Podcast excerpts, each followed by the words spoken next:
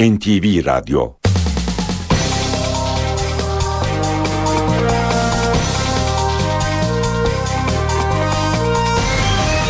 İşe giderken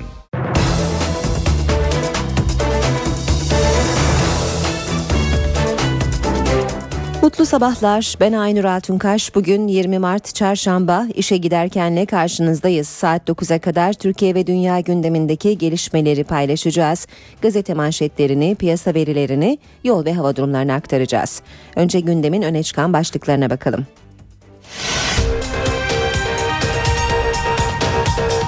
AK Parti Genel Merkezi ve Adalet Bakanlığı dün akşam eş zamanlı saldırılara uğradı. Lav silahı ve parça tesirli bombanın kullanıldığı saldırılarda bir kişi yaralandı.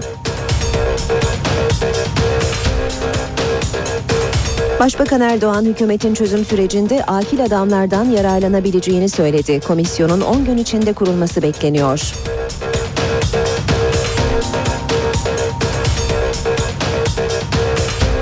Tam gün yasasındaki değişikliğe göre üniversitede öğretim üyeleri mesai bitiminde ücret karşılığında hizmet verebilecek.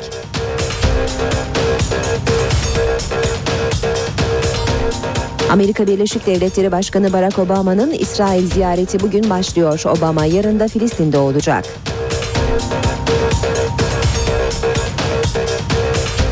Kıbrıs Rum kesiminde parlamento Avrupa Birliği'nin kredi koşullarını reddetti. Rumlar kararı sevinçle karşıladı.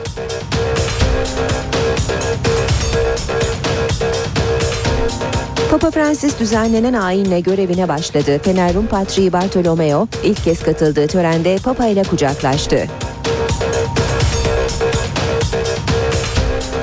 Kırmızı et için getirilen yeni düzenleme nedeniyle şarküteri ürünlerine %20 zam geliyor.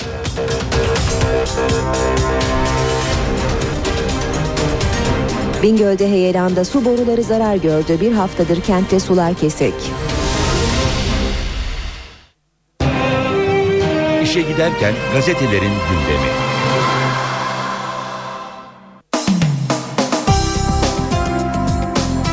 Gazeteler bugün Adalet Bakanlığı'na ve AK Parti Genel Merkezi'ne düzenlenen saldırı, Ergenekon davasında savcının mütalasının yankıları, yeni papa için düzenlenen tören ve Kıbrıs Rum kesimindeki e, gelişmeleri ön plana çıkarmışlar. Vatan Gazetesi ile başlayalım. Manşet Ankara'da korku gecesi, iki el bombalı lavlı saldırı. Kimliği belirsiz kişiler dün gece 15 dakika arayla Adalet Bakanlığı'na iki el bombası attı. AK Parti Genel Merkezi'ne lav silahıyla saldırdı. Ankara'da dün gece saat 21 sularında Adalet Bakanlığı'na parça tesirli iki el bombası atıldı. Bir bakanlık personelinin eşi şarapnelle yaralandı. Alarma geçen polis saldırganın eşgalini belirledi. El bombalarının menşei de tespit edildi. Aynı dakikalarda AK Parti Genel Merkezi'nde Başbakanın makam odasının bulunduğu 7. katla 8. kat arasına lav silahıyla roket atıldı. Saldırıdan sonra lav silahının parçaları bulundu. Saldırıların DHKPC tarafından düzenlendiği iddia edildi diyor Vatan Gazetesi haberinde. Hürriyet gazetesiyle devam edelim. Hürriyet'te Kıbrıs Rum kesimindeki parlamentodaki oylama e, manşette Rum ruleti başlığıyla vermiş haberi Hürriyet. Avrupa Birliği'nin 10 milyar euro karşılığında mevduata konmasını istediği vergiyi Rumlar reddederek büyük risk aldı. Rum hükümeti hesaplardan kesinti yapılmasını öngören yasayı dün parlamentoya getirebildi. 56 üyeli temsilciler meclisindeki oylamada Avrupa Birliği ve IMF'nin reçetesine evet diyen tek milletvekili milletvekili bile çıkmadı. İktidarın 19 milletvekili çekimser kalırken 36 milletvekili hayır dedi. Bankalar 4 gündür kapalı olduğundan ülkede nakit sıkıntısı başladı. Mevduat kaçmasın diye bankaları açmıyorlar demiş Hürriyet gazetesi. Ankara'daki saldırılar 7. kata lavlı saldırı başlığıyla hürriyette yer almış. Ankara'da dün gece eş zamanlı olarak AK Parti Genel Merkezi'ne ve lav silahıyla e, roket, Adalet Bakanlığı'na da iki el bombasının atıldığı ifade ediliyor. Olay yerinde DHKPC yazılı kırmızı üzerine sarı yıldızlı bez bulunduğu ve fotoğraflarının başbakana iletildiğinin öğrenildiği ifade ediliyor. Yine hürriyetten bir başlık pek çok gazetede de bu haberi göreceğiz bugün. İki çiçek daha hızla soldu. Hız parantez içinde Bursa Orhan Gazi'de aşırı hızla sollamak istediği kamyona sonra da bir tıra çarpan aracın camından fırlayan Yalova Üniversitesi Endüstri Mühendisliği öğrencileri Sıla Daşdemir'le Buse Karakurum can verdi. Milliyet gazetesiyle devam edelim. Ağırlığı olan akil adam aranıyor demiş Milliyet manşette. Başbakan Erdoğan çözüm süreci için akil adamlar komisyonu konusunda kapı açtıklarını ancak içeri girenlerin bir ağırlığının olması gerektiğini söyledi.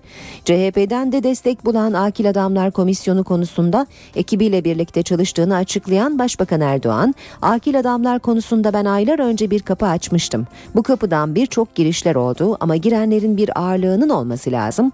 Ağırlığı yoksa önüne gelen ben akil adamım derse kıymeti harbiyesi olmaz dedi. Komisyonda bireysel ve kurumları temsilen akil adamlar bulunmasının önemli olduğunu söyleyen Erdoğan, sürece yönelik konuların mecliste görüşülmesi gibi bir durumunsa gündemlerinde olmadığını ifade etti. Tam günde 55 lira şoku demiş Milliyet. Başbakan Erdoğan'ın açıkladığı yeni tam gün düzenlemesinde 150 ila 200 lira olan hoca muayenesi farkı 55 liraya düşürüldü. Doktorlar tepki gösterdi diyor Milliyet. Ankara'daki saldırıları Ankara'da çifte saldırı başlığıyla Milliyet sürmanşetten veriyor. AK Parti Genel Merkezi'ne lav silahlı, Adalet Bakanlığı'na ise bombalı saldırı düzenlendi, bir kişi yaralandı deniyor. Geçelim Sabah gazetesine söz verdik demiş sabah manşetinde. Başbakan Erdoğan'ın sözleri. Gazi Nuran'a, Gazi Gülcan'a, bu ülkenin bütün gazilerine, tüm şehitlerine, tüm yüreği yaralı annelerine, gözleri umutla parlayan çocuklarına sözümüz var. Bu meseleyi çözeceğiz. Milletten hiçbir şey gizlemiyoruz. Asla bir pazarlık içinde değiliz. Olmadık, olmayız. Adeta Sırat Köprüsü'nden geçiyoruz. Savaş baronlarına rağmen bu meseleyi çözeceğiz dedi Başbakan dün grup toplantısında bu sözlerini sabah e, manşetine çekmiş. Dün Ankara'da düzenlenen saldırılar için e, söz konusu haberin başlığı sabahta çözüm sürecine sabotaj girişimi. Adalet Bakanlığı ve AK Parti Genel Merkezi'ne saldırı düzenlendi. AK Parti Genel Başkan Yardımcısı Hüseyin Çelik'in açıklaması barış süreci durmayacak başlıkta. Kadınlar sigarayı kolay bırakamıyor. Erkekler kadınlara göre sigarayı daha kolay bırakıyor. Son 4 yılda sigarayı bırakan erkeklerin oranı %6,5 iken kadınlarda bu rakam %2,1'de kaldı. Yeni Papa'nın resmen göreve başlaması ile ilgili düzenlenen tören e, fakirlere el uzatın başlığıyla yer almış sabahta Francis'in sözleri. Vatikan'ın yeni lideri Papa Francis tahta çıkma töreninde verdiği vaazda şefkat ve iyilikten korkmayın gerçek iktidar hizmettir. Fakirlere hizm- e, yardım edin dedi. Törene Bekir Bozdağ da katıldı. Geçelim Radikal gazetesine. Mor Gabriel'de yasal çözüm diyor Radikal manşette. Hükümet Yargıtay'ın hazineye devrettiği Mor Gabriel Manastırı arazisinin iadesine hazırlanıyor. Çözüm için komisyon kuruldu. Çok eleştirilen bir kararla alınan Mor Gabriel arazisinin iadesi için ilk planda iki formül üretildi. Sembolik rakamla kiralama ya da ihale ile devir. Süryani temsilcilerse doğrudan iade istiyor. Süryaniler dahil azınlıkların mülkiyet haklarına anayasal güvence ile çözüm de gündemde. Başbakanın akil adamlar için çalışıyoruz sözünü yine radikalde de başlıkta görüyoruz. Başbakan çözüm süreci kapsamında sendikalardan iş adamlarına birçok kesimin içinde olduğu akil adamlar için çalışma yürüttüklerini belirtti. PKK'nın çekilmesinin mecliste görüşülmeyeceğini söyledi. Adalet Bakanı Sadullah Ergin'in açıklaması 3 aşamada 2013'te bitecek başlığıyla yer almış. Öcalan'ın yarın yapacağı çağrının ardından Kandil eylemsizlik sürecini açıklayacak. PKK 3 ay içinde Kuzey Irak'a çekilecek. İkinci aşamada PKK silah bırakacak. Bunun da 3 ay sürmesi bekleniyor. Bu aşamada Kuzey Irak yönetimi devreye girecek. Meclisin de içinde olacağı komisyon silah bırakma ve entegrasyonda devreye girecek. Ergin'e göre 2013'te 3 ama 3 aşamada bitecek Deniz Zeyrek'in yazısını görüyoruz Radikal'de birinci sayfada. Geçelim Cumhuriyet'e. Cumhuriyet'te manşet Ergenekon davasında verilen mütalaanın yankıları. Rekoru kırdılar, adaleti yıktılar demiş başlık. Savcılar ancak 722 yılda okunabilecek dosyadan görüş oluşturdu. Görüşü öne çıkmış. Ergenekon davasında özel yetkili savcılar imkansızı başardı. 120 milyon sayfayı bulan Ergenekon dosyasının karar öncesi tamamının okunabilmesi için 722 yıl gerekiyor. İçinden çıkılmaz hale gelen dosyadan savcılar hem örgüt çıkardı hem de rekor cezalar istedi denmiş Cumhuriyet'in haberinde. Buna bağlı olarak CHP lideri Kılıçdaroğlu'nun dünkü grup konuşmasından notları görüyoruz. Kılıçdaroğlu Silivri'de adaletin katledildiğini belirterek siz savcı yargıç değilsiniz iktidarın taşeronusunuz dedi. Devam edelim. Basın özetlerine işe giderken de Habertürk'e bakalım. Terör biterse MHP'den ne kalır? Erdoğan süreci eleştiren Bahçeli'ye sert çıktı. Terör bitmesin diye elinden geleni yaptı, yapıyor. Başbakan şöyle dedi. Ellerinde tek istismar aracı olan olarak terör ve siyasi Kürtçülük kaldı. İki mesele çözülünce MHP'den geriye bir şey kalmayacak. Biliyor ve bitmemesi için elinden geleni yapıyor. CHP'ye yönelik eleştiri de şöyle başbakandan bunların e, diyor CHP'lileri kastederek ne içtiklerini merak ediyorum. Meğer rakıyı sulu içiyorlarmış. Böyle içmeye devam ederseniz Rize'nin tulumuna gayda dersiniz. Rize deyip İskoçya'ya giderseniz şaşma.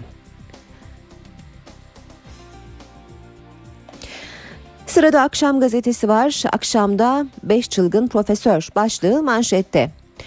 İşte Türkiye'yi dönüştürecek beyin takımı. Başbakan Erdoğan, Kanal İstanbul 3. Havalimanı gibi çılgın projelere karar verecek ekibi seçti. Yıkım, yapım, dönüşüm bu hocalara emanet. 5 kişilik dönüşüm timinin başkanı birkaç kez MHP adına İstanbul Büyükşehir Belediye Başkanlığı'na aday olan Mimar Profesör Ahmet Vefik Alp, diğer 4 profesör Ahmet Haluk Pamir, Çetin Cömert, Mehmet Emin Birpınar ve Cuma Bayat. Devam ediyoruz basın özetlerine işe giderken de Zaman Gazetesi'ne bakalım. Zamanda mütalada 17 eylem ve suikast planı var. Başlığı manşette. Savcıların mahkemeye sunduğu mütalada Ergenekon terör örgütünün darbeye zemin hazırlamak için planladığı 17 eylemin belgeleri sıralandı. Kritik deliller arasında Başbakan Erdoğan, Yargıtay Başsavcısı Abdurrahman Yalçınkaya, Orgeneral Yaşar Büyükanıt'la Ermeni Patriği Mesrop Mutafyan'a yönelik suikast planı planı ve krokiler dikkat çekiyor. Ve Yeni Şafak'la bitiriyoruz basın özetlerini. Nevruz trafiği demiş Yeni Şafak manşette. Öcalan'ın MİT'e verdiği mektupla yarınki Nevruz kutlamalarında yapacağı ateşkes çağrısı Ankara'yı hareketlendirdi. Başbakan Erdoğan grup toplantısından sonra kurmaylarıyla çözüm sürecinin en kritik gelişmesini masaya yatırdı. Bir kez daha örgütle pazarlık yok mesajı verdi. Saat 7.18 gündeme yakından bakacağız işe giderken de başkentte AK Parti Genel Merkezi ve Adalet Bakanlığı dün akşam eş zamanlı saldırıya uğradı. Genel Merkez binasına yönelik saldırıda lav silahı kullanıldı. Adalet Bakanlığı'na ise parça tesirli iki adet el bombası atıldı. Adalet Bakanlığı'ndaki saldırıda bir kişi hafif şekilde yaralandı. Saldırıyı DHKPC örgütünün gerçekleştirdiği tahmin ediliyor. Ankara akşam saatlerinde iki ayrı patlamayla sarsıldı. Adalet Bakanlığı ve AK Parti Genel Merkez binasına eş zamanlı bombalı saldırı gerçekleştirildi. Saat 20.50 sularında Adalet Bakanlığımızın Milli Müdafaa Caddesi girişinde bulunan otoparkına ve giriş bölümüne iki adet el bombası atılmıştır. Bu bomba atma eylemi esnasında bir personel eşimiz hafif yaralanmış, tedavisi ayakta yapılmış ve taburcu edilmiştir.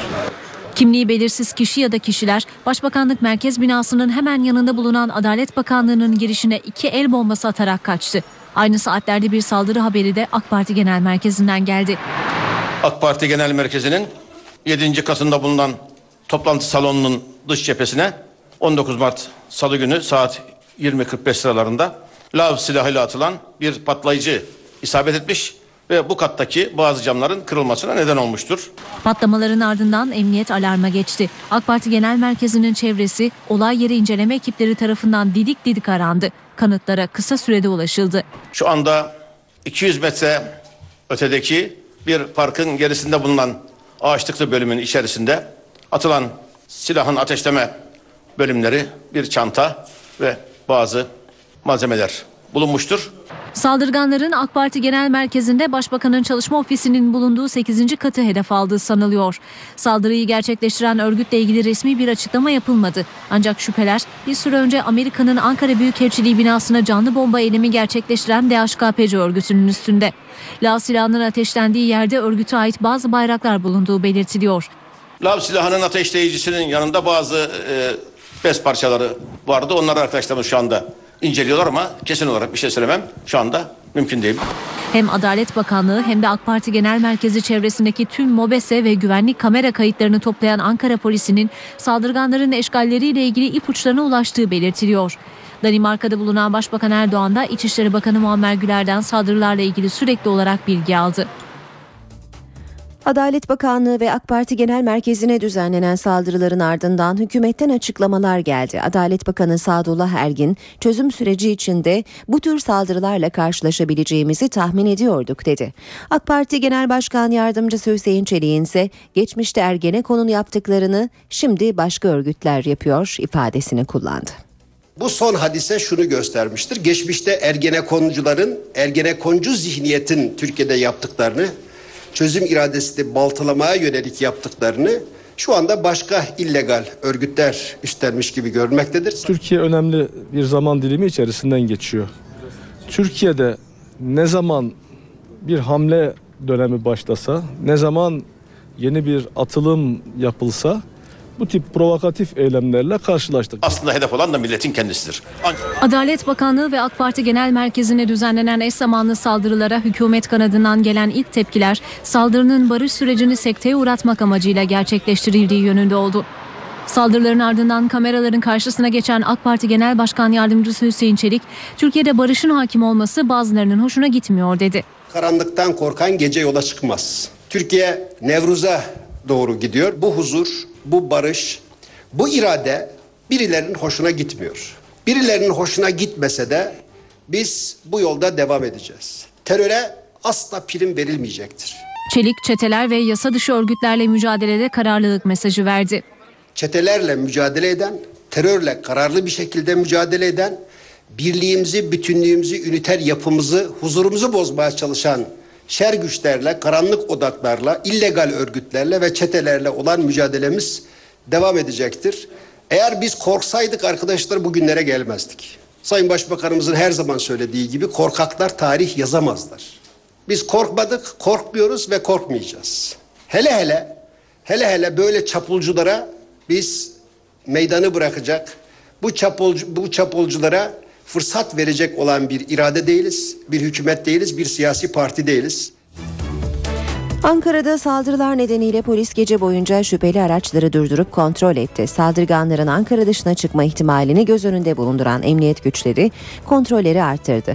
Gece boyunca İstanbul, Konya, Eskişehir ve Samsun yolu üzerinde Ankara dışına çıkan ve şüpheli görülen tüm araçlar arandı. Bazı otobüsler de durdurularak yolculara kimlik sorgusu yapıldı. Abdullah Öcalan BDP heyetiyle görüşmesinde ilk kez geri çekilme ifadesini kullandı. Öcalan'ın süreç için meclise çağrısı da vardı. Başbakan Erdoğan ise mecliste atılacak bir adım yok mesajı verdi. Başbakan akil adamların devreye girmesine sıcak baktığını tekrarladı ve hükümet olarak bir çalışmamız var dedi. 10 gün içinde kurulması planlanan akil adamların yaklaşık 20 kişiden oluşması planlanıyor. Başbakan Recep Tayyip Erdoğan hükümetin çözüm sürecinde akil adamlardan yararlanabileceğini söyledi. Aylar önce bir kapı açmıştım dedi. E, Şu anda bu konu üzerinde bizler de hükümet olarak bir çalışmamız var ve sadece akil adamlar olarak olaya birim, e, bireysel bakarsak bu da eksik olur. Olayın hem bireysel boyutu olmalı hem de kurumları temsilen bu akil adamlar arasında insanların bulunması önemli. Erdoğan Abdullah Öcalan'ın PKK'lıların çekilme sürecinde meclisinde yapması gerekenler var sözüne cevap verdi. Türkiye Büyük Millet Meclisi'ne getirilip Türkiye Büyük Millet Meclisi'nden yani çözüm sürecine yönelik şu anda gündemde olan konuların görüşülmesi gibi bir şey bizim gündemimizde yok. Peki hükümetin üzerinde çalıştığı akil adamlar formülü nasıl işleyecek? NTV'nin edindiği bilgiye göre 10 gün içinde kurulması planlanan akil adamlar yaklaşık 20 kişiden oluşacak. Bunlar arasında sendikacılar, gazeteciler, yazarlar, iş adamlarıyla Türkiye Odalar ve Borsalar Birliği'nden temsilciler bulunacak. Akil adamlar genel bir komisyon olarak çalışacak. Ancak süreçteki gelişmelere bağlı olarak alt komisyonlar kurup belli bölgelerde ve belli konu başlıklarında çalışma yapacak. Akil adamlar süreci sıkıntıya sokacak gelişmelerde devreye girerek çözüm üretecekler. Özellikle PKK'lıların sınır dışına çekilme sürecini sekteye uğratacak sorunlar yaşanmaması için gözlemci statüsünde çalışacaklar. Akil adamlar toplumsal mutabakatı sağlama noktasında da kaygıları gidermek için çeşitli kesimlerle görüşmeler yapacak. Henüz kesin karar verilmese de sürecin ilerleyen aşamalarında meclis içinde bir araştırma komisyonu kurulabileceği de belirtiliyor. Bu komisyonun 35 yıldır süren terör döneminde yaşananları araştırması, çalışmalarını da bir belgeye dönüştürmesi planlanıyor. Gündemde öne çıkan konulardan biri Ergenekon davasında savcının mütalası. Siyasilerden konuyla ilgili ard arda yorumlar geldi. Mütalaa ile ilgili ilk kez konuşan Başbakan Erdoğan, daha önce söylediklerimizin arkasındayım dedi. Olay tamamıyla hükümetle ilgili hale getirilmiş. Mütalada görünen bu. Başbakan Recep Tayyip Erdoğan Ergenekon davasında savcı mütalası ile ilgili ilk kez konuştu. Muhalefet kadar rahat konuşamam. Daha önceki söylediklerimin arkasındayım dedi. Doğrusu burada tabii ben e, muhalefet, ana muhalefet olsun, yavru olsun e, onlar kadar cesur değilim. Onlar çünkü gerçekten anayasayı çok daha rahat çiğniyorlar. E, ben o kadar anayasayı rahat çiğnemekte muktedir değilim. Daha dikkatli olmak durumundayım çünkü sorumluluğum bunu gerektiriyor. Ve sorumluluğumun gereği olarak da daha önce bu konularda ne söylediysem aynı düşüncenin arkasındayım. Başbakan Ergenekon davası ile ilgili en dikkat çekici yorumunu 1 Şubat'ta yapmıştı. Başta Genelkurmay Başkanım olmak üzere diğer e, generallerimiz emekli olsun muvazzaf olsun. Yani hiçbirisine bir defa kalkıp da yani bir alışılmış anlamda bir terör örgütü mensubu demek bir defa çok çok ciddi bir yanlıştır. Yani bu affedilemez. Yani şu anda kendileri bulundukları makam itibariyle yani kendilerini sağlamda görseler bile tarih onları affetmez. Muhalefet kanadındansa Ergenekon davasında savcının sunduğu mütalaya tepki vardı. CHP lideri Kılıçdaroğlu savcılara yüklendi. Onlara savcı dediğim için vicdan sahibi savcılardan özür diliyorum dedi. MHP lideri Bahçeli ise savcının örgütün liderini göstermemesinin saçmalık olduğunu savundu. Mütalaya en büyük tepki sanık ve yakınlarından geldi. Eski Genelkurmay Başkanı İlker Başbuğ idam olsa hakkımda onu da isterlerdi dedi. Ergenekon davasında hakkında ağırlaştırılmış müebbet istenen eski Genelkurmay Başkanı İlker Başbuğ'dan talebe ilişkin çarpıcı bir yorum geldi. Başbuğ, idam olsa onu isterlerdi dedi. Türkiye'de idam cezası kaldırılmamış olsaydı Cumhuriyet'in savcıları hiç tereddüt etmeden ciddi suçlamaları göz önünde bulundurarak Türk ordusunun komutanıyla onun 14 silah arkadaşı için de idam cezasını isteyeceklerdi. Başbuğ avukatı aracılığıyla yaptığı açıklamada örgüt liderliği suçlamalarının da ortadan kalkmadığının altını çizdi. Hakkında ağırlaştırılmış müebbet istenen CHP milletvekili Sinan Aygün ise yargıya güvenmekten başka çaremiz yok dedi. Ben hiçbir zaman için milletvekili şapkamın altına sığınmadım. Bunu aşacağıma inanıyorum ben. Kesinlikle inanıyorum. Yani hiçbir e, tereddütüm yok. İzah edeceğim, anlatacağım ve ikna edeceğime inanıyorum. Ergenekon davasının diğer tüm sanıkları da savcının esas hakkındaki görüşünü reddetti. Sanıklar adına açıklama avukatlarından geldi. Savcılar meclisi, meclisin çıkardığı yasaları hiçe saymıştır. Maddi gerçeğe ulaşmak için ayağına kadar gelen tanıkları dahi dinlemeyi reddetmiştir.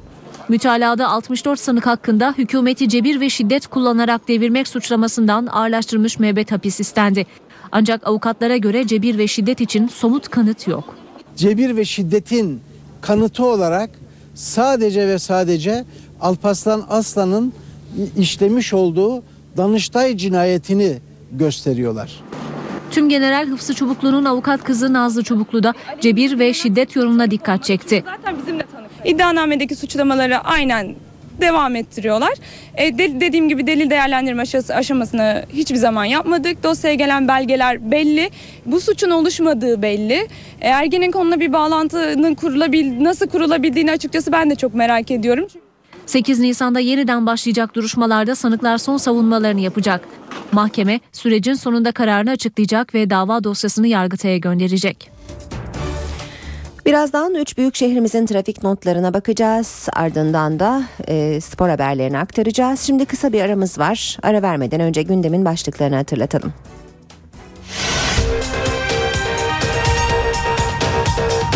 AK Parti Genel Merkezi ve Adalet Bakanlığı dün akşam eş zamanlı saldırılara uğradı. Lav silahı ve parça tesirli bombanın kullanıldığı saldırılarda bir kişi yaralandı.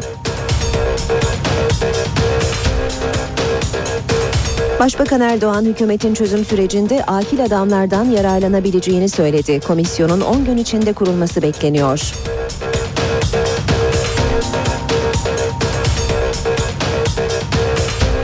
Tam gün yasasındaki değişikliğe göre üniversitede öğretim üyeleri mesai bitiminde ücret karşılığında hizmet verebilecek.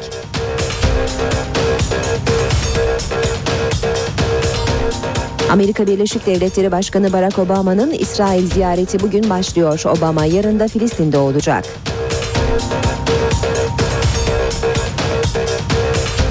Kıbrıs Rum kesiminde parlamento Avrupa Birliği'nin kredi koşullarını reddetti. Rumlar kararı sevinçle karşıladı.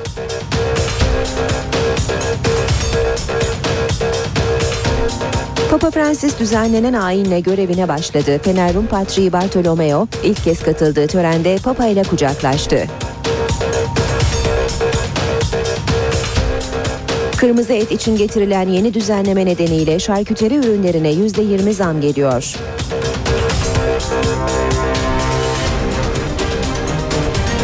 Bingöl'de heyelanda su boruları zarar gördü. Bir haftadır kentte sular kesik.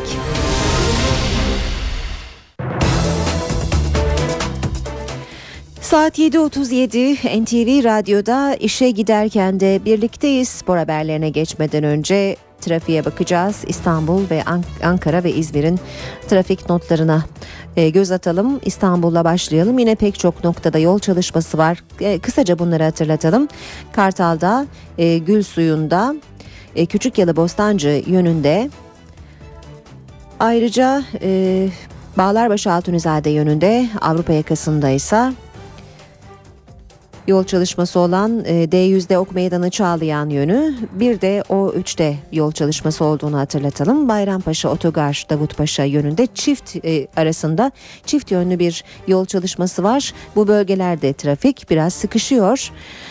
Ee, köprülerle devam edelim. Fatih Sultan Mehmet Köprüsü Anadolu Avrupa geçişi koz yatağı itibarıyla yoğun seyrediyor. Çavuş başında biraz e, açılsa da devamında Elmalı ve köprü girişi arası yine yoğun seyrediyor. Ters yönde etiler katılımı köprü ortasına kadar yoğun. Tem otoyolunda köprü yönünde yoğunluk Mahmut Bey'de başlıyor ve Maslak'a kadar da devam ediyor. Edirne yönünde ise Metris tekstil kent arası yoğun seyrediyor. D100 karayolunda Çoban Çeşit 15.15 itibarıyla Haliç'e kadar yoğun bir trafik olduğunu görüyoruz. Bu arada bir de araç arızası var. D100'de Küçükçekmece Avcılar istikametinde trafik bu sebeple yoğun seyrediyor. Şu anda elimize ulaşan bir e, kaza haberi de verelim. D100'de Kartal yan yol Pendik yönünde meydana gelen yaralanmalı bir e, trafik kazası var. Kazaya müdahale ediliyor. Bir şerit trafiğe kapalı durumda. D100'de devam edelim. Küçük Yalı Kozyatağı arasında trafikte yer yer yoğunlaşmalar var. Ankara'ya geçelim. Ankara'da Cinnah Ulusararası 14 dakika, Keçiören Anadolu Bulvarı arası 18 dakika, Dikmen Kızılay arası 11 dakika, Gençlik Parkı Kavşağı Atatürk Orman Çiftliği Kavşağı arası 12 dakika, Konutkent Kızılay arası 23 dakika ve Plevne İvedik arası 17 dakikada aşılabilir. İzmir'de 3 kuyulardan İzmir çevre yoluna 21, 3 kuyulardan Alsancak'a 15 dakikada, Bornova'dan Alsancak'a 14 dakikada, Alsancak'tan Mavişehir'e 17 dakikada ve Mavişehir'den Alsancak'a 11 dakikada ulaşabilirsiniz. İşe giderken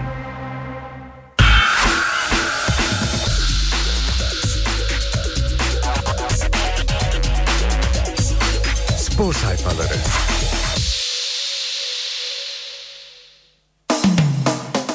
Spor haberlerine Habertürk'le başlayalım. Nice 110'lara Beşiktaş Galatasaray Başkanı Ünal Aysal da kutlamalara katıldı. Beşiktaş dün 110. kuruluş yılını kutlamanın gururunu yaşadı. Taraftar İnönü'ye koştu. Saatler 19'u 3 geçeyi gösterdiğinde coşku doruğa çıktı. Işık ve havai fişek gösterileri nefes keserken sanatçılar Dolmabahçe'de unutulmaz anlar yaşattı. Ezeli rakip ebedi dost Fenerbahçe kutlama mesajı geçti. Gecenin sürprizi ise Süleyman Seba'nın 7 yıl sonra İnönü'ye gelişiydi. Habertürk'te o başka dünyadan başlığını görüyoruz. Özel biri lakaplı Jose Mourinho'dan Fatih Terim ve Galatasaray'a çok özel övgüler geldi. Portekizli hocanın eski öğrencisi fil dişi sahilli efsane Drogba'ya yönelik sözleri de oldukça dikkat çekiciydi. Drogba isminden daha büyük. Bunları söylemek beni rahatsız etmiyor çünkü o yüreğimde kendisi için ne hissettiğimi biliyor. Birini seçmem gerekirse onu seçerim. Benim favori oyuncum. Çünkü o başka dünyadan, imkansız şeyleri yapabilecek bir futbol futbolcu. Galatasaray'ın başında bu seviyede oynamayı bilen İtalya'da da çalışmış ülkenin en iyi teknik adamı var. Fatih Hoca ile çok iyi bir ilişkim var. Birbirimize açığız.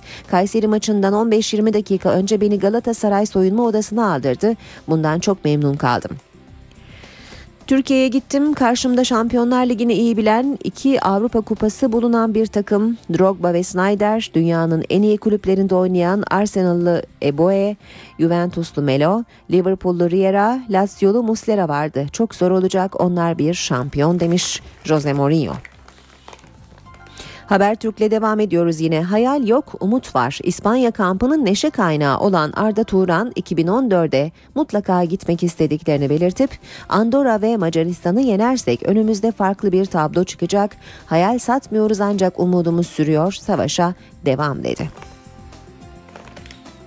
Spor haberlerine Sabah gazetesiyle devam edelim. Sabahtan okuyacağımız ilk başlık hesap soracağız. Beşiktaş'ın 110. yıl kutlamalarında Orman Selefi Demirören'e mesaj gönderdi. Beşiktaş Başkanı taraftarın yüreğine su serpti. Türkiye'ye gelmiş en yürekli yönetim kuruluyuz. İbra edilmediği için mahkemeye giden Demirören'in dava dilekçesinin üslubunu beğenmediğini daha önce ifade eden Orman, eski başkan aleyhine yapılan tezahürat üzerine taraftara hesap sorma sözü verdi. Yine nice 110 yıllara kara kartal başlığı sabahta da var. Beşiktaş camiası 110. yıl yıl dönümünü İnönü Stadı'nda görkemli törenle kutladı. Devam ediyoruz. Sabahtan haberlere.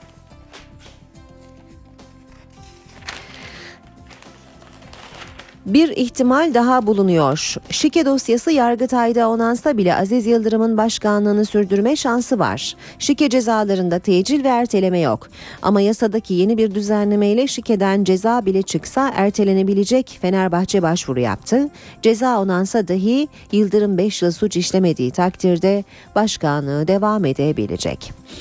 Salih için kritik madde. Pilsen ve Antalya spor maçlarında attığı iki kritik golle yıldızını parlatan Salih Uçan'ın sözleşmesinde kritik bir madde olduğu ortaya çıktı. 18 yaşındaki yıldız futbolcunun sözleşmesinde Avrupa'dan bir teklif gelmesi durumunda kendisine kolaylık sağlanacaktır şeklinde bir madde olduğu ancak yine bu sözleşme gereği Salih'in iki yıl içinde Fenerbahçe'den ayrılmaması ve gittiği takımdan Türkiye'ye dönmek istediğinde önceliğin Sarı Lacivertli kulübe tanınacağı şartı olduğu öğrenildi. Gidecek ama nereye? Stoh Avrupa'yı istiyor ve 3,5 milyon veren Hamburg'a sıcak bakıyor. Fenerbahçe'nin tercihi ise 11 milyon teklif eden Rus ve Arap kulüpleri. Sırada Milliyet gazetesinin spor haberleri var. Okuyacağımız ilk başlık Eksiğim çok. Türkiye'nin son günlerde en fazla konuştuğu isim olan Salih Uçan yol haritasını anlatmış. Fenerbahçe ve U20 milli takımının göz bebeği her kesimden büyük övgüler alsa da tam kapasiteye ulaşamadığını belirtti. A milli takım için henüz erken olduğunu düşünüyorum. İnsanların beni orada görmek istemesi gurur verici olsa da daha zamanım var. Hedefim eksiklerimi kapamak, iyi yönlerimi üst seviyeye çıkarmak dedi. Manchester kadar zor. Şampiyonlar Ligi'ndeki rakipleri Galatasaray'ı Kayseri Spor karşısında izleyen Real Madrid Teknik Direktörü Mourinho, İstanbul'a mutlaka avantajlı gitmeliyiz. Galatasaray, Manchester United kadar zorlu bir rakip diye konuştu.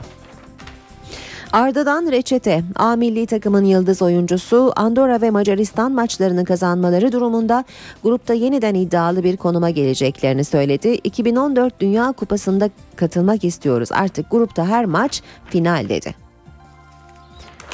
Milliyetten aktarmaya devam edelim. Beşiktaş gerçekleri. Teknik direktör Samet Aybaba kafalardaki soru işaretlerini ortadan kaldırdı. Oyuncu değişikliği yapılması gerekiyorsa ben o an saate bakmam. Emre Özkan'dan çok ben üzüldüm. Çaresizlikten Mehmet Akgün'ü bile ön libero'da oynattım. O gün başka bir hoca olsa korkup kaçardı.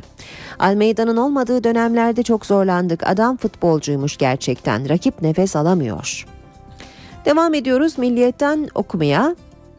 Büyüksün Karşıyaka. Pınar Karşıyaka Türk basketbol tarihine altın bir sayfa daha açtı. Euro Challenge Cup çeyrek final serisinin 3. maçında Paris Levallois takımını yıktı. Geçen yıl Beşiktaş'ın kazandığı kupada adını Final Four'a yazdırdı. Skor 85-69. Fener ezip geçiyor. Kadınlar Avrupa Ligi 8'li finallerine farklı Burj galibiyetiyle başlayan Fenerbahçe İtalyan Famila Schio karşısında da şov yaptı. B grubunu lider bitirmek için büyük avantaj yakaladı. Skor 86-59. Günün programına bakalım. E, Bu arada Cimbom havlu attı başlığı var. Galatasaray 8'li finallerdeki ikinci maçını da kaybetti. Tur ümitlerini bitirdi. İlk maçında Kosica'ya boyun eğen Aslan dün de Polkoviç'e önünde sevinemedi. Günün programı Galatasaray bugün 19'da Yekaterinburg'la karşılaşacak. A grubunda B grubunda ise Fenerbahçe Spartak Moskova ile 16.30'da oynayacak. Her iki maçın yine NTV Spor'dan canlı olarak yayınlanacağını hatırlatalım. Böylece spor haberlerini bitiriyoruz. İşe giderken de gündeme yakından bakmaya devam edelim. İşe giderken Sucuğa sosise zam geliyor. Kırmızı et için getirilen yeni düzenleme nedeniyle firmalar kırmızı eti artık beyaz et karıştıramayacak. Bu nedenle fiyatlar da %20 zamlanıyor. Şarküteri ürünlerinde %100 kırmızı et dönemi zamlı başlayacak.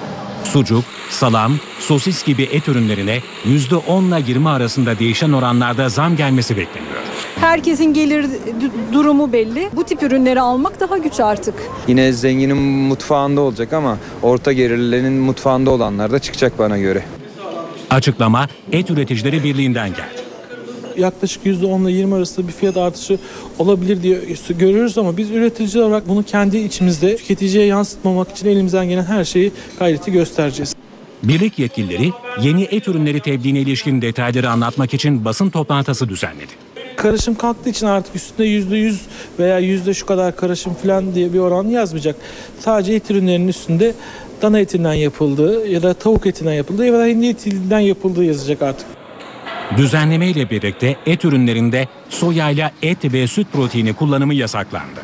Döner ve köftede de nişasta ve takviye protein kullanılamayacak. Türkiye'de yılda kişi başı et tüketimi ortalama 12 kilogram. En çok tercih edilen et ürünü ise %54'lük oranla sucuk. Ekmekte değişimse sürüyor. Önce kullanılan tuz azaltıldı, ardından kepek oranı artırıldı. Acaba vatandaş beyaz ekmek alışkanlığından vazgeçebildi mi? Şu beyaz ekmek denilen ekmeği sofralarımızdan kaldıralım.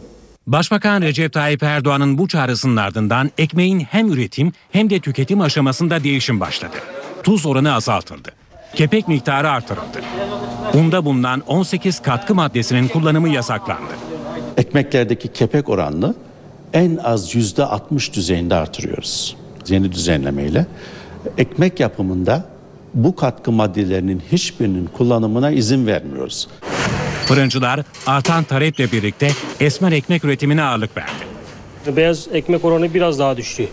Biraz e, e, insanlar biraz daha çavdara, kepeğe, tam buğdaya yöneldi. E, %60'ı beyaz ekmek, %40'ı da esmer ekmek, çavdar, tam buğday, kepek. Evet, Başbakanımızın açıklamasından sonra esmer ekmeğe özellikle tam buğday ekmeğimize bir e, özel bir yoğun ilgi başladı. E, esmer ekmek üretimimiz aşağı yukarı %30 %35 oranında arttı diyebiliriz.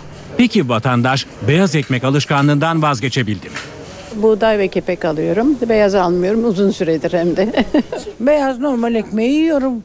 50 senedir de onu yiyorum maşallah hiç de bir şey olduğu yok. Millete ne oluyor bilmem. Beyaz ekmeği çok sevdiğimiz için beyaz ekmek tüketiyoruz. Ekmek denetimleri sıklaştırılıyor. Kurallara uygun üretim yapmayanlara idari para cezası kesilecek. Bingöl'de neredeyse bir haftadır sular kesik. Suların akmamasının nedeni ise heyelanın isale hattına verdiği zarar. 150 bin nüfuslu kentin merkezindeki çeşmelerin başında ise uzun kuyruklar var. Bingöl'ün büyük bölümüne 6 gündür su verilemiyor. Nedeni içme suyunu karşılayan isale hattının geçtiği bölgede meydana gelen heyelan. Kayan toprak kütlesi nedeniyle ana hattın 100 metreden uzun bir bölümü hasar gördü. Toprak altındaki borulara ulaşmaya çalışan ekipler zemin yapısı nedeniyle zorlanıyor. Yani bu yine normaldir yani. Belki yine idari olarak belki verebiliriz ama ani bir yağmur neden yağmur yağdığında görüyorsunuz yani. Hepsi çökme yapar. Sıkıntı sebebiyle bölgedeki sondaj kuyuları aktif hale getirildi. Bölge halkı devlet su işlerine ait park ve mahallelerde bulunan çeşmelerden su ihtiyacını gideriyor. Hastane ve okullara ise itfaiye araçlarıyla su taşınıyor.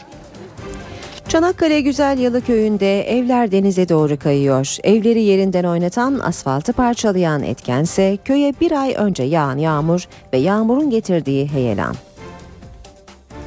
Yolu kaplayan asfalt tabaka parçalandı. Civardaki evlerin duvarlarındaki çatlaklar santim santim büyüdü. Bahçe ve istinat duvarları kaymaya başladı. Çanakkale Güzelyalı köyündeki yazlıkların çoğu kullanılamaz hale geldi. Çok ciddi tedbirler alınması lazım. Aksi takdirde e, bir felakete sebebiyet verebilir diye düşünüyoruz. Köyde bir ay önce yağan yağmurun ardından heyelan meydana geldi. 200 metrelik alanda 50'ye yakın yazlık ev denize doğru kaymaya başladı. Yolun altındaki menfezlerden akan su ve toprağın kirli olması heyelanın şiddetini arttırdı. 10 yıl önce de burası böyle kayıyordu. Fakat 10 yıl önce burada sağında solunda kaldırım yoktu. Yağmur direkt evlerin içine gidiyordu. İşte sağına soluna kaldırım yaptık. Asfaltı yapınca tabii daha hafifledi. 10 yıldan beri bir hareket yok toprakta. Jandarma çökmeler nedeniyle yolun 200 metrelik bölümünü trafiğe kapadı ancak bu karar pratiğe yansımadı. Belediye ve 18 Mart Üniversitesi'nden bir heyet bölgede inceleme yaptı.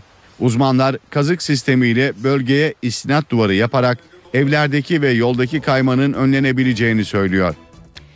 Yalova'da üniversitede okuyan iki genç kız trafik kazasında hayatını kaybetti. Trafik kazasında çocuklarını kaybeden iki babaya kızlarının cenazeleri teslim edildi. Ancak Bursa'daki cenaze teslim töreninde imamın çocuklarınızı okusunlar diye uzak illere göndermeyin sözleri tartışma çıkardı. İki genç kız kazada öldü.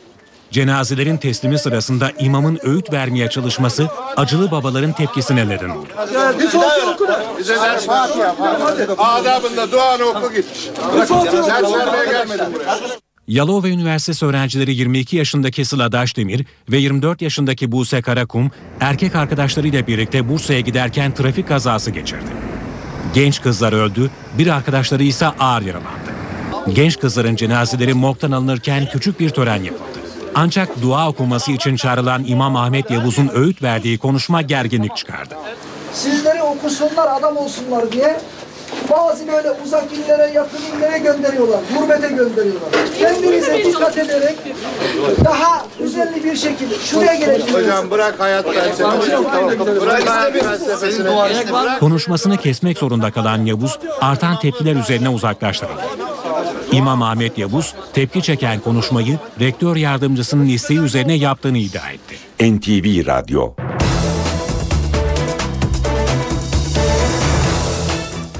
Herkese yeniden günaydın. Ben Aynur Altunkaş. İşe giderken de birlikteyiz. Birazdan hava durumuna bakacağız. Önce gündemin başlıklarını hatırlatalım.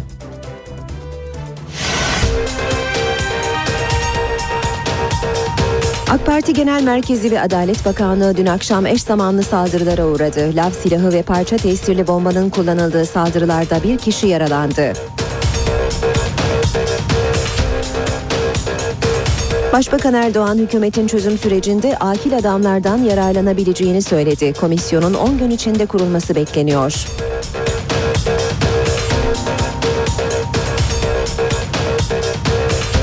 Tam gün yasasındaki değişikliğe göre üniversitede öğretim üyeleri mesai bitiminde ücret karşılığında hizmet verebilecek.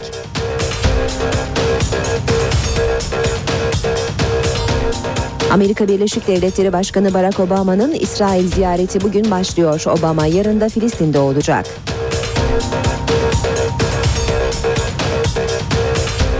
Kıbrıs Rum kesiminde parlamento Avrupa Birliği'nin kredi koşullarını reddetti. Rumlar kararı sevinçle karşıladı.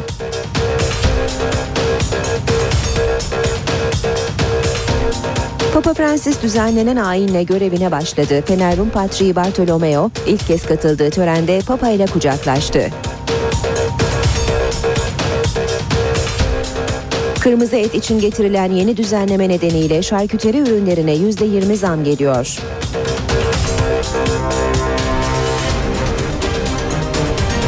Bingöl'de heyelanda su boruları zarar gördü. Bir haftadır kentte sular kesik.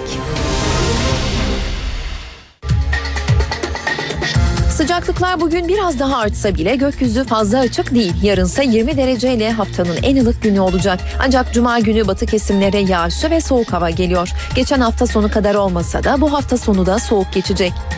Beş büyük kentin hava koşullarına gelince İstanbul bugün zayıf rüzgarla 16 dereceye çıkıyor ama artan bulutlar kentin kuzeyine hafif yağmur bırakabilir. Ankara parçalı bulutlu ve 15 derece. İzmir'de giderek bulutlanıyor. Sıcaklık 18 dereceyi bulacak. Bursa parçalı bulutlu 19, Adana ise güneşli 20 derece.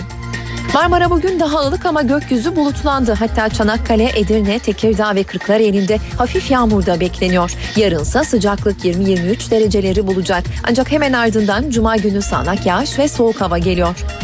İç Anadolu'da hava ısınıyor. Sıcaklık bugün 15-16, yarınsa 18-19 dereceyi görecek. Gökyüzü bugün parçalı bulutlu. Sonraki günlerde ise daha kapalı olacak. Ege kıyıları yine 20 dereceye doğru çıkıyor ancak gökyüzü Ege'de de 3 gün hep beyaz bulutlarla kaplı. Cuma günü kuvvetli sağanaklarla birlikte sıcaklık 6-7 derece azalacak. Akdeniz'de ise güneşi görmek mümkün. Sahiller 19-20 derecelerde, Isparta ise 15 derece. Güneydoğu önümüzdeki 3 gün az bulutlu, sıcaklık 16 derece. Doğu Anadolu'da 3 gün yağış yok. Gece dondurucu soğuk etkili. Bu bölgede hava batı kesimlerin aksine hafta sonu ısınacak ama yağmurda olacak. Karadeniz'in batısı da bulutlu. Yarın Zonguldak, Bartın, Kastamonu boyunca hafif yağmur var. Perşembe cuma sıcak geçtikten sonra hafta sonu Karadeniz yağışla beraber hızla soğuyacak. İşe giderken gazetelerin gündemi.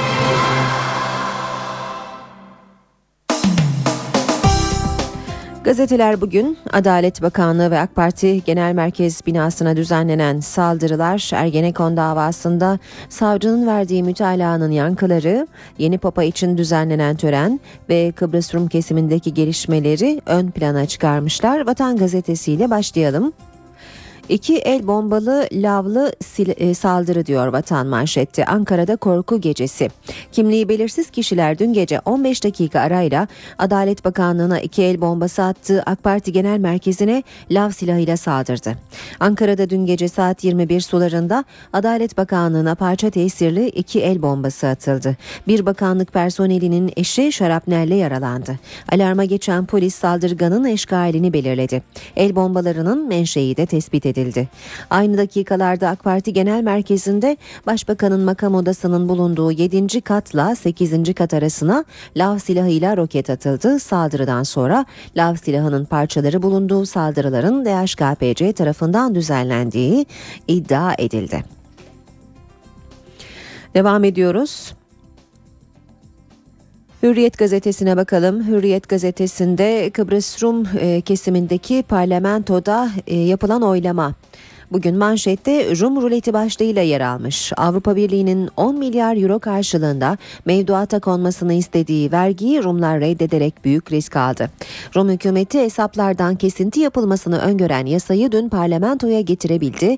56 üyeli Temsilciler Meclisi'ndeki oylamada Avrupa Birliği ve IMF'nin reçetesine evet diyen tek milletvekili bile çıkmadı. İktidarın 19 milletvekili çekimser kalırken 36 milletvekili hayır dedi. Bankalar 4 gündür kapalı mevduat kaçmasın diye bankalar açılmıyor Kıbrıs Rum kesiminde. Devam ediyoruz. Papa İstavroz çıkarmadı başlığıyla Papa Francis Vatikan'da 132 ülkeden gelen temsilcilerin katıldığı törenle göreve başladı. Papa, yaşasın Papa diye bağıranlara Hristiyan olmayanlar, ateistler ya da kutsanmak istemeyenlere saygı için İstavroz çıkararak değil, elinin baş parmağını kaldırarak karşılık verdi. Papa Mobil'in kurşun geçirmez camını da kaldırarak halkın içindeyim mesajı verdi. Milliyet gazetesiyle devam edelim. Ankara'da çifte saldırı diyor Milliyet sürmanşette. AK Parti Genel Merkezi'ne lav silahlı, Adalet Bakanlığı'na ise bombalı saldırı düzenlendi. Bir kişi yaralandı. Saldırı sırasında AK Parti Genel Merkezi'ne DHKPC imzalı bildiri bırakıldığı iddiası kulislere yansıdı. Ancak bu iddiayı İçişleri Bakanı Muammer Güler doğrulamadı. AK Parti Genel Başkan Yardımcısı Hüseyin Çelik atılan bombalar AK Parti'yi hukuk yolunda, millete hizmet yolunda gitmekten geri durduramayacaktır dedi. Adalet Bakanı Sadullah Ergin de şiddet ve terör, aciz ve korkakların sığındığı bir yöntem açıklamasını yaptı.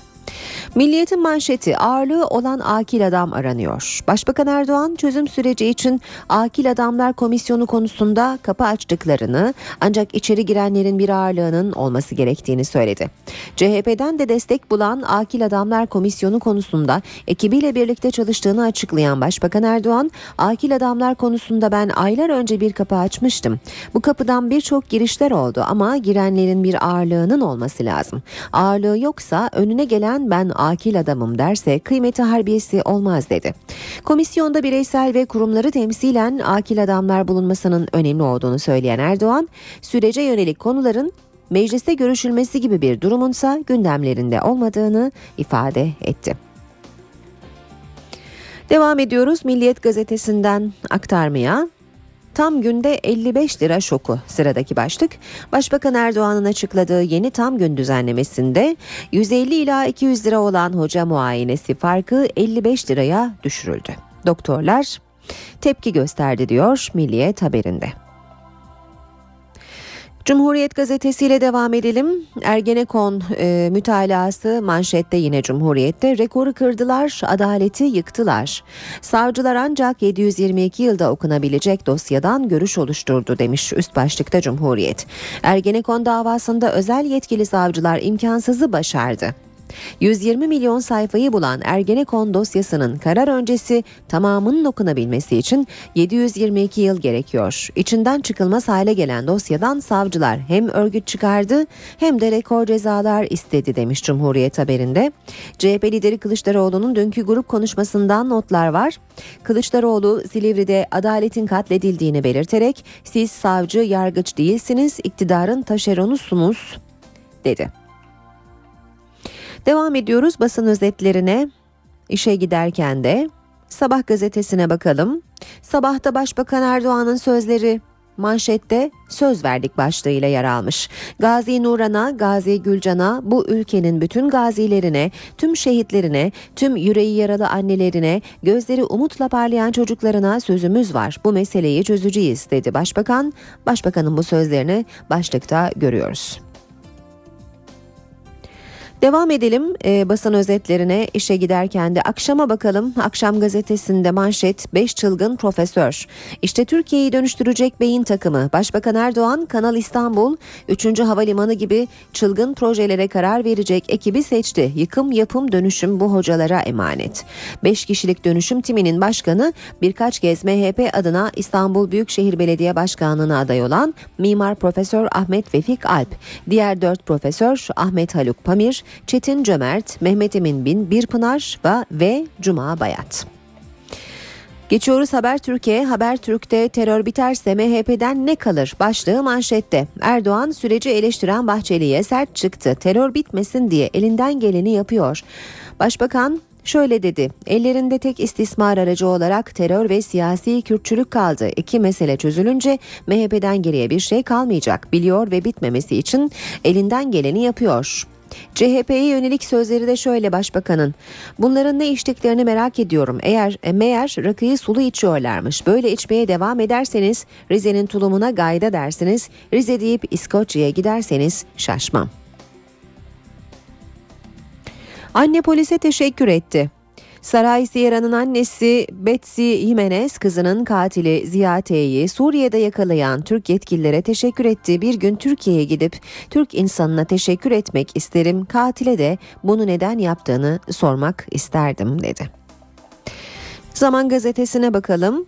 Mütalada 17 eylem ve suikast planı var diyor Zaman manşetinde.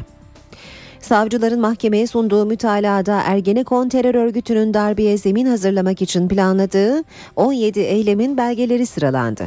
Kritik deliller arasında Başbakan Erdoğan, Yargıtay Başsavcısı Abdurrahman Yalçınkaya, Orgeneral Yaşar Büyükanıt'la Ermeni Patriği Mesrop Mutafyan'a yönelik suikast planı ve krokiler dikkat çekiyor. Yeni Şafak gazetesinde manşet Nevruz trafiği. Öcalan'ın MİT'e verdiği mektupla yarınki Nevruz kutlamalarında yapacağı ateşkes çağrısı Ankara'yı hareketlendirdi. Başbakan Erdoğan grup toplantısından sonra kurmaylarıyla çözüm sürecinin en kritik gelişmesini masaya yatırdı. Bir kez daha örgütle pazarlık yok mesajı verdi.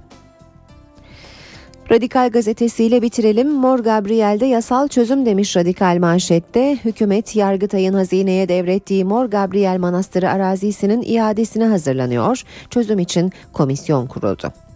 Adalet Bakanı Sadullah Ergin'in açıklamalarını görüyoruz. 3 aşama da 2013'te bitecek başlığıyla Öcalan'ın yarın yapacağı çağrının ardından Kandil eylemsizlik sürecini açıklayacak. PKK 3 ay içinde Kuzey Irak'a çekilecek. İkinci aşamada PKK silah bırakacak. Bunun da 3 ay sürmesi bekleniyor. Bu aşamada Kuzey Irak yönetimi devreye girecek. Meclisin içinde olacağı komisyon silah bırakma ve entegrasyonda devreye girecek. Ergin'e göre 2013'te 3 aşamada bitecek. Ankara gündemi.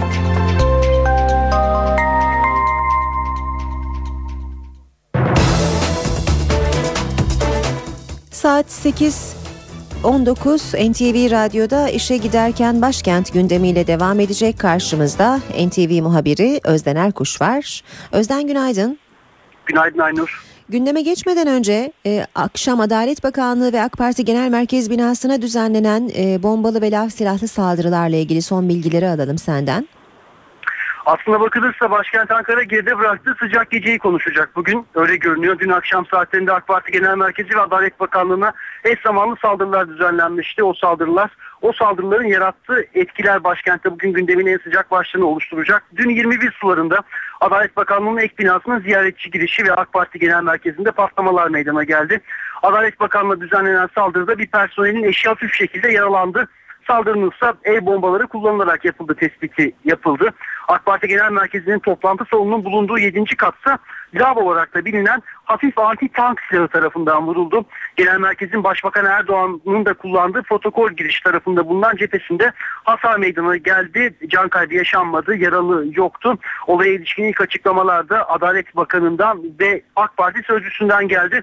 Sadullah Ergin muhtemel sabote girişimleriyle karşılaşacağımızı tahmin ediyorduk. Olmamasını temenni ederdik ama bu ya da bundan sonra gelecek farklı sabote girişimleri doğru yönde atıldığını düşündüğümüz adımlardan bizi alıkoyamaz dedi.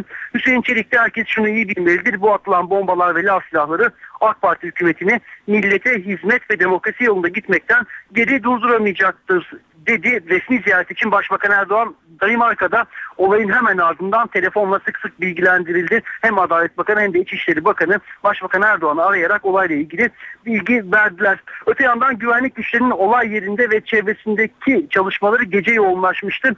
Bugün de halen devam ettiğini söylemek mümkün. Dün gece geç saatlere kadar gece boyunca Ankara'nın özellikle girişlerinde ve çıkışlarında polis zaman zaman aramalar yaptı. Yine ana arterlerde zanlıların kaçabileceği noktalarda zaman zaman aramaların gerçekleştiğini söylemek mümkün. Eşkal belirleme çalışmaları da yapıldı. Bugün o çalışmalar devam edecek. Zira bölgede çok sayıda MOBESE kamerası var. Hem Adalet Bakanlığı ek binası çevresinde hem de AK Parti Genel Merkezi çevresinde işte o kayıtlar detaylı şekilde inceleniyor. Elde edilen sonuçlara göre bugün gün içerisinde başkent Ankara'da polisin bazı operasyonlara da imza atmasını bekliyoruz. Eşkale ilişkinde ilk bilgilere ulaşıldığını söyleyelim. AK Parti Genel Merkezi'ne yapılan saldırı Başbakanın zaman zaman kullandığı protokol girişinin hemen karşısından 200 metre mesafede ağaçlık bir alanda gerçekleşti. İşte o saldırının ardından bir kişinin koşarak Anadolu Bulvarı yönüne kaçtığı bilgisi de var. İşte tüm bu bilgiler e, polis tarafından değerlendiriliyor ve bu değerlendirmeler ışığında bazı operasyonlara da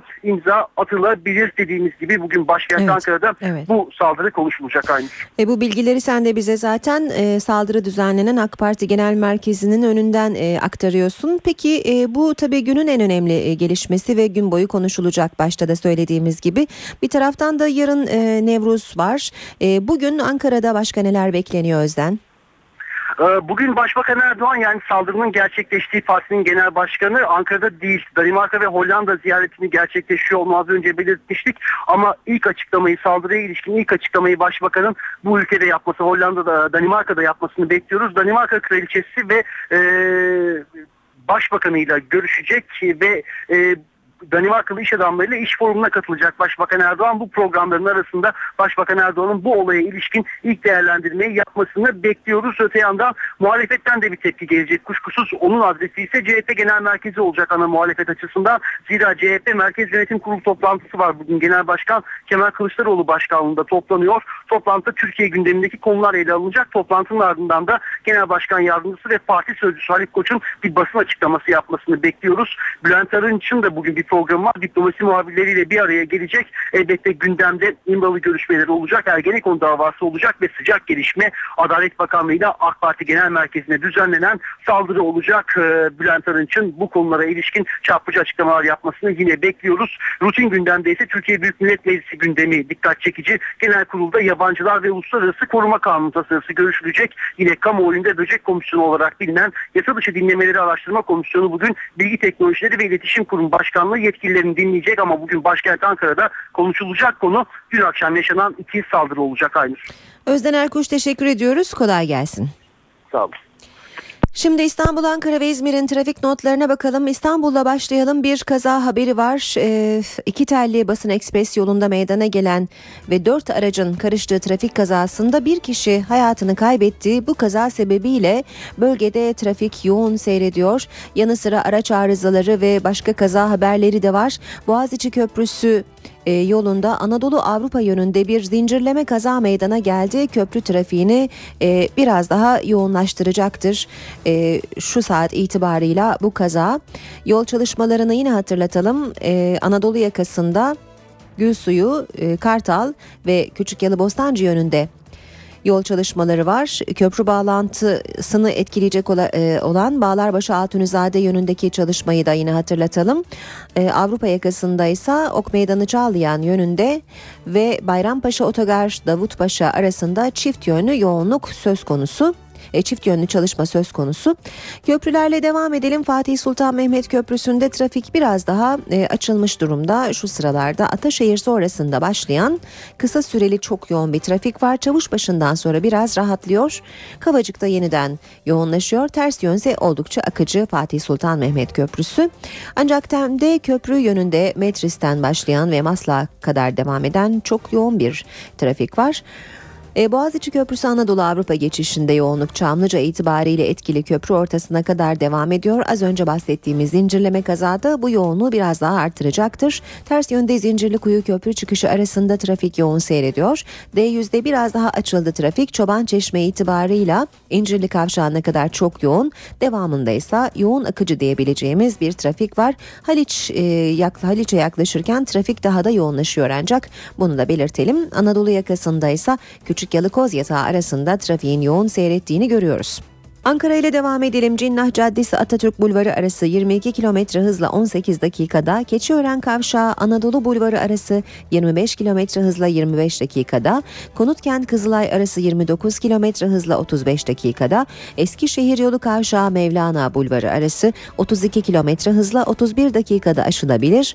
İzmir'de Bornova'dan Alsancak'a 40 km hızla 13 dakikada, Mavişehir'den Konağa 32 km hızla 26 dakikada, Üçkuyulardan Alsancak'a da 25 km hızla 20 dakikada ulaşabilirsiniz.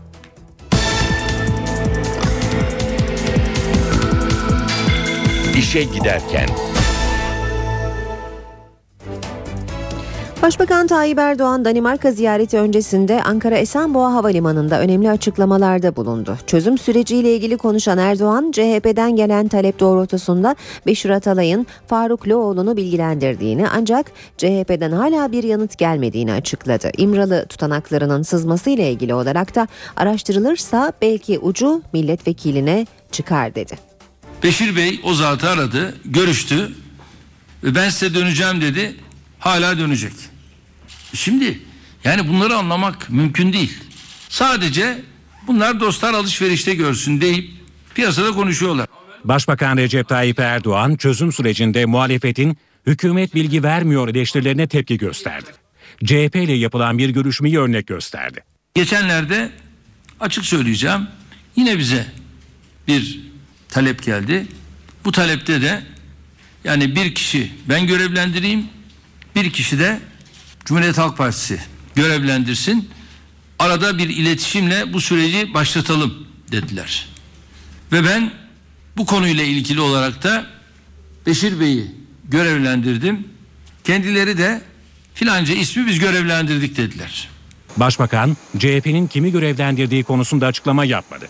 Ancak CHP Genel Başkan Yardımcısı Faruk Loğlu yazılı bir açıklama yaparak ben görüştüm dedi, neden geri dönmediğini anlattı.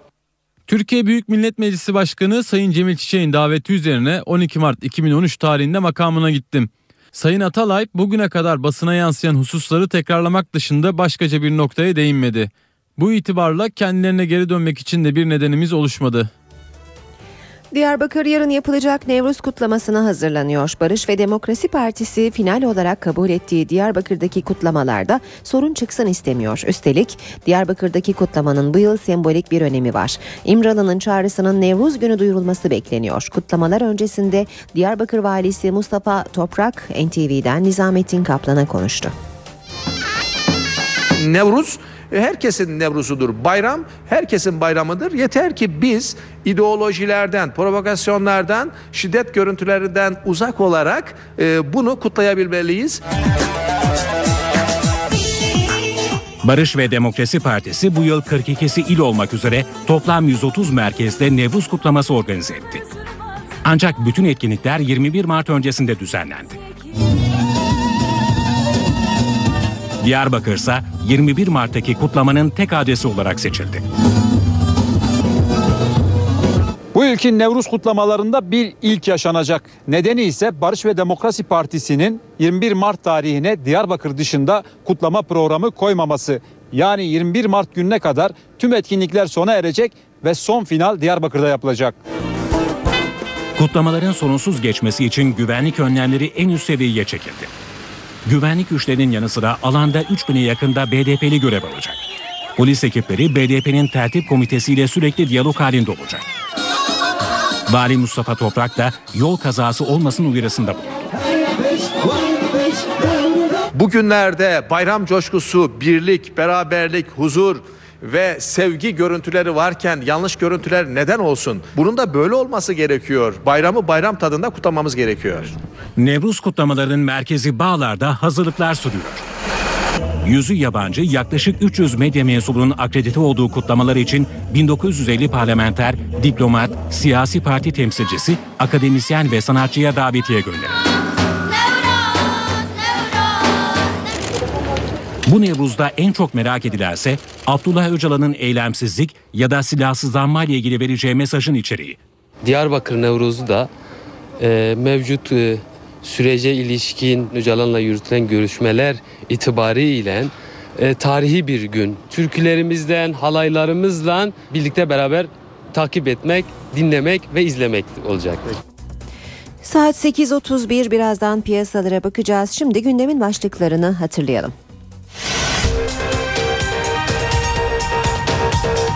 AK Parti Genel Merkezi ve Adalet Bakanlığı dün akşam eş zamanlı saldırılara uğradı. Lav silahı ve parça tesirli bombanın kullanıldığı saldırılarda bir kişi yaralandı. Başbakan Erdoğan hükümetin çözüm sürecinde akil adamlardan yararlanabileceğini söyledi. Komisyonun 10 gün içinde kurulması bekleniyor.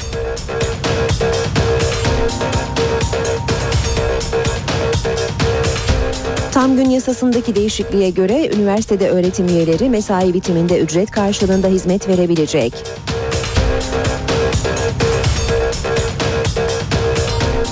Amerika Birleşik Devletleri Başkanı Barack Obama'nın İsrail ziyareti bugün başlıyor. Obama yarın da Filistin'de olacak.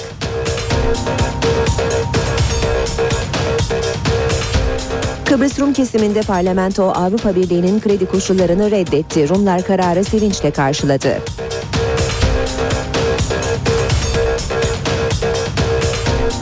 Papa Francis düzenlenen ayinle görevine başladı. Fener Rum Patriği Bartolomeo ilk kez katıldığı törende Papa ile kucaklaştı. Kırmızı et için getirilen yeni düzenleme nedeniyle şarküteri ürünlerine %20 zam geliyor.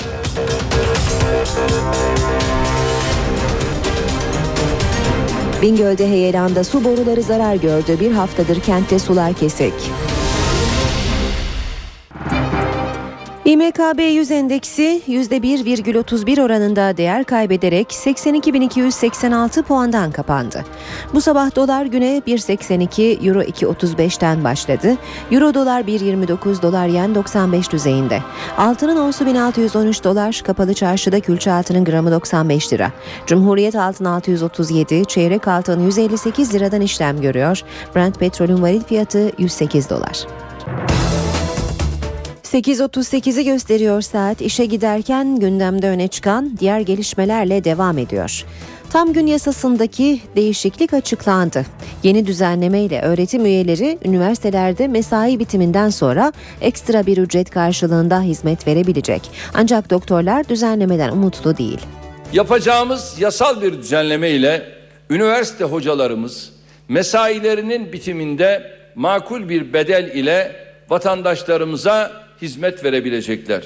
Hocalarımıza muayene olmaları durumunda vatandaşlarımız sağlık uygulama tebliğindeki bedel kadar bir ücret ödeyecekler. Başbakan Recep Tayyip Erdoğan haberi AK Parti grup toplantısında verdi. Tam gün yasasından kaynaklanan aksaklıkların giderileceğini söyledi. Yapılacak düzenlemenin ardından hastalar mesai saati bitiminden sonra üniversite hocalarına muayene olabilecekler. Örneğin üniversitede muayene fiyatı 55 lira, mesai sonrası öğretim üyesine muayene olan vatandaşımız üniversite hesabına 55 lira ödeyecek. Bu ücretin bir kısmı hastayı tedavi eden öğretim üyesinin bir kısmı da kurumun hesabına aktarılabilecek. Sağlık Bakanı Mehmet Müezzinoğlu da yapılacak düzenleme ile hocaların hastane odaklı çalışmasını öngördüklerini belirterek muayenehane açamayacaklar dedi. Ancak düzenleme Türk Tabipler Birliği'ni memnun etmedi. Bu açıklanan e, gelişme sağlık sistemimize hiçbir şekilde faydalı olmayacak ve hekimleri gerçekten büyük hayal kırıklığına uğrattı. Bu düzenleme hiçbir şekilde üniversite öğretim üyelerini geri döndürmeye yetmeyecek. Türk Tabipler Birliği 2. Başkanı Özdemir Aktan, Anayasa Mahkemesi'nin hocaların 8 saat çalıştıktan sonra dışarıda çalışabilecekleri yönünde bir karar verdiğini hatırlatarak bu doğrultuda mücadeleye devam edeceklerini söyledi. Saray Sierra'nın katil zanlısının yakalanmasının ardından Amerika Birleşik Devletleri'nde yaşayan ailesi yetkililere ve Türk halkına teşekkür etti. İstanbul'da ise polisin cinayetle ilgili çalışmaları henüz tamamlanmadı. Gün boyu Sarayburnu'nda sahilde Sierra'nın cep telefonu ve bilgisayarı arandı. Why would you do that? Türkiye'ye gelip bunu yapan kişiyle yüzleşmek ve kızıma neden böyle yaptığını sormak isterdim. İstanbul'da öldürülen Saray Sierra'nın annesi katil zanlısı Ziyate ile yüzleşmek istiyor. İfadesinde Amerikalı olduğunu bilmediğini söylemiş. Türk de olsa bir kadına nasıl vurup öldüreceğini sormak isterdim. New York'ta yaşayan anne Betsy Jimenez, Türk halkından gördükleri yakın ilgiyi unutamayacaklarını söyledi. Kızımı arama faaliyetlerine katılan derneklerle ve ellerinde kızımın fotoğraflarıyla dolaşan Türk halkına çok teşekkür ediyoruz. Gösterdikleri nezaketi ve iyiliği unutmamız mümkün olmayacak. Yaptıkları bizim için çok şey ifade ediyordu. Cinayetle ilgili soruşturma ise sürüyor. Polis, zanlı Ziyate'nin ifadesi doğrultusunda Sarayburnu'nda Sierra'nın cep telefonu ve bilgisayarını aradı. Ancak aramaların ilk önünde bir şeye ulaşılamadı. Başbakan Tayyip Erdoğan Siyonizmle ilgili sözlerine açıklık getirdi. Başbakan eleştirimiz İsrail devletinin varlığına değil, izlediği politikaya Viyana'daki konuşmamın arkasındayım dedi. Tıpkı Siyonizm gibi, tıpkı antisemitizm gibi, tıpkı faşizm gibi İslamofobiyanın da bir insanlık suçu olarak görülmesi kaçınılmaz hal almıştır. Başbakan Recep Tayyip Erdoğan birkaç hafta önce Viyana'da söylediği bu sözlere Danimarka'da açıklık getirdi. Danimarka gazetesi Politikene röportaj veren Erdoğan sözlerinin yanlış anlaşılmamasını istedi. Eleştirimiz İsrail devletinin varlığına değil izlediği politikaya dedi. İsrail Filistin devletinin varlığını kabul etmediği sürece bizim eleştirilerimiz devam edecektir diyen Erdoğan sözlerinin arkasında olduğunu vurguladı. Başbakanın sözleri İsrail ve Amerika tarafından tepkiyle karşılanmıştı. Amerikan Dışişleri Bakanı John Kerry, Ankara ziyareti sırasında Başbakan Erdoğan'ın açıklamalarını sakıncalı bulduklarını söylemişti. Geçen hafta Amerikan Kongresi'nin 89 üyesinin imzaladığı mektupta da Başbakan Erdoğan'dan sözlerini geri alması istenmişti. İsrail Başbakanı Benjamin Netanyahu ise Türk Başbakanı'nın Siyonizmle faşizm arasında bağlantı kurmasını şiddetle kınıyorum şeklinde konuşmuştu. Amerika Birleşik Devletleri Başkanı Barack Obama İsrail ve Filistin ziyareti için yola çıktı. Bugün öğle saatlerinde İsrail'de olması beklenen Obama ilk olarak İsrail Cumhurbaşkanı Şimon Perez'le görüşecek. Başbakanı Başbakan Benjamin Netanyahu ile de bir araya gelecek olan Obama'nın yarın da Ramallah'ta Filistin Devlet Başkanı Mahmut Abbas'la buluşması bekleniyor. Cuma günü Beytüllahim'de yeniden Doğuş Kilisesi'ni ziyaret edecek olan Amerika Başkanı daha sonra Ürdün'e geçecek. Obama'nın ziyareti ziyaretine İran'ın nükleer programı ve Suriye'deki iç savaşın öne çıkması bekleniyor. Amerika Başkanı'nın İsrail ziyareti sırasında Türkiye-İsrail ilişkilerinde gündeme geleceği belirtiliyor. Suriye'de Şam rejimi ve muhalifler birbirlerini kimyasal silah kullanmakla suçluyor. Esad rejimi sadece muhalifleri suçlamakla da kalmıyor. Türkiye ise hedefteki isim. Ankara'dan Esad rejimine yanıt gecikmedi.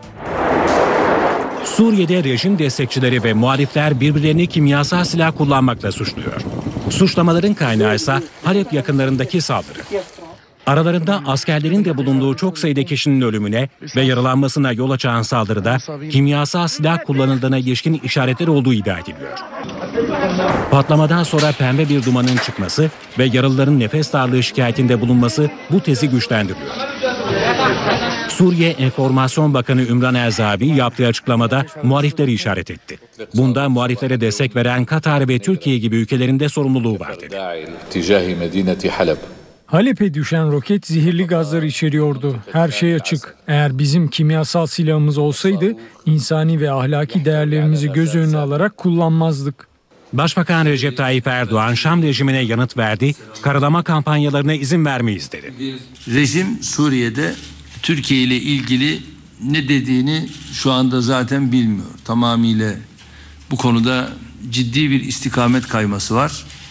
Türkiye bugüne kadar hiçbir zaman kimyasal silah kullanmak gibi bir durumun içerisine asla girmemiştir ve bizim envanterimizde de kimyasal silah yoktur. Suçlamaları reddeden muhalifler Esad rejiminin kimyasal silah kullandığını savundu.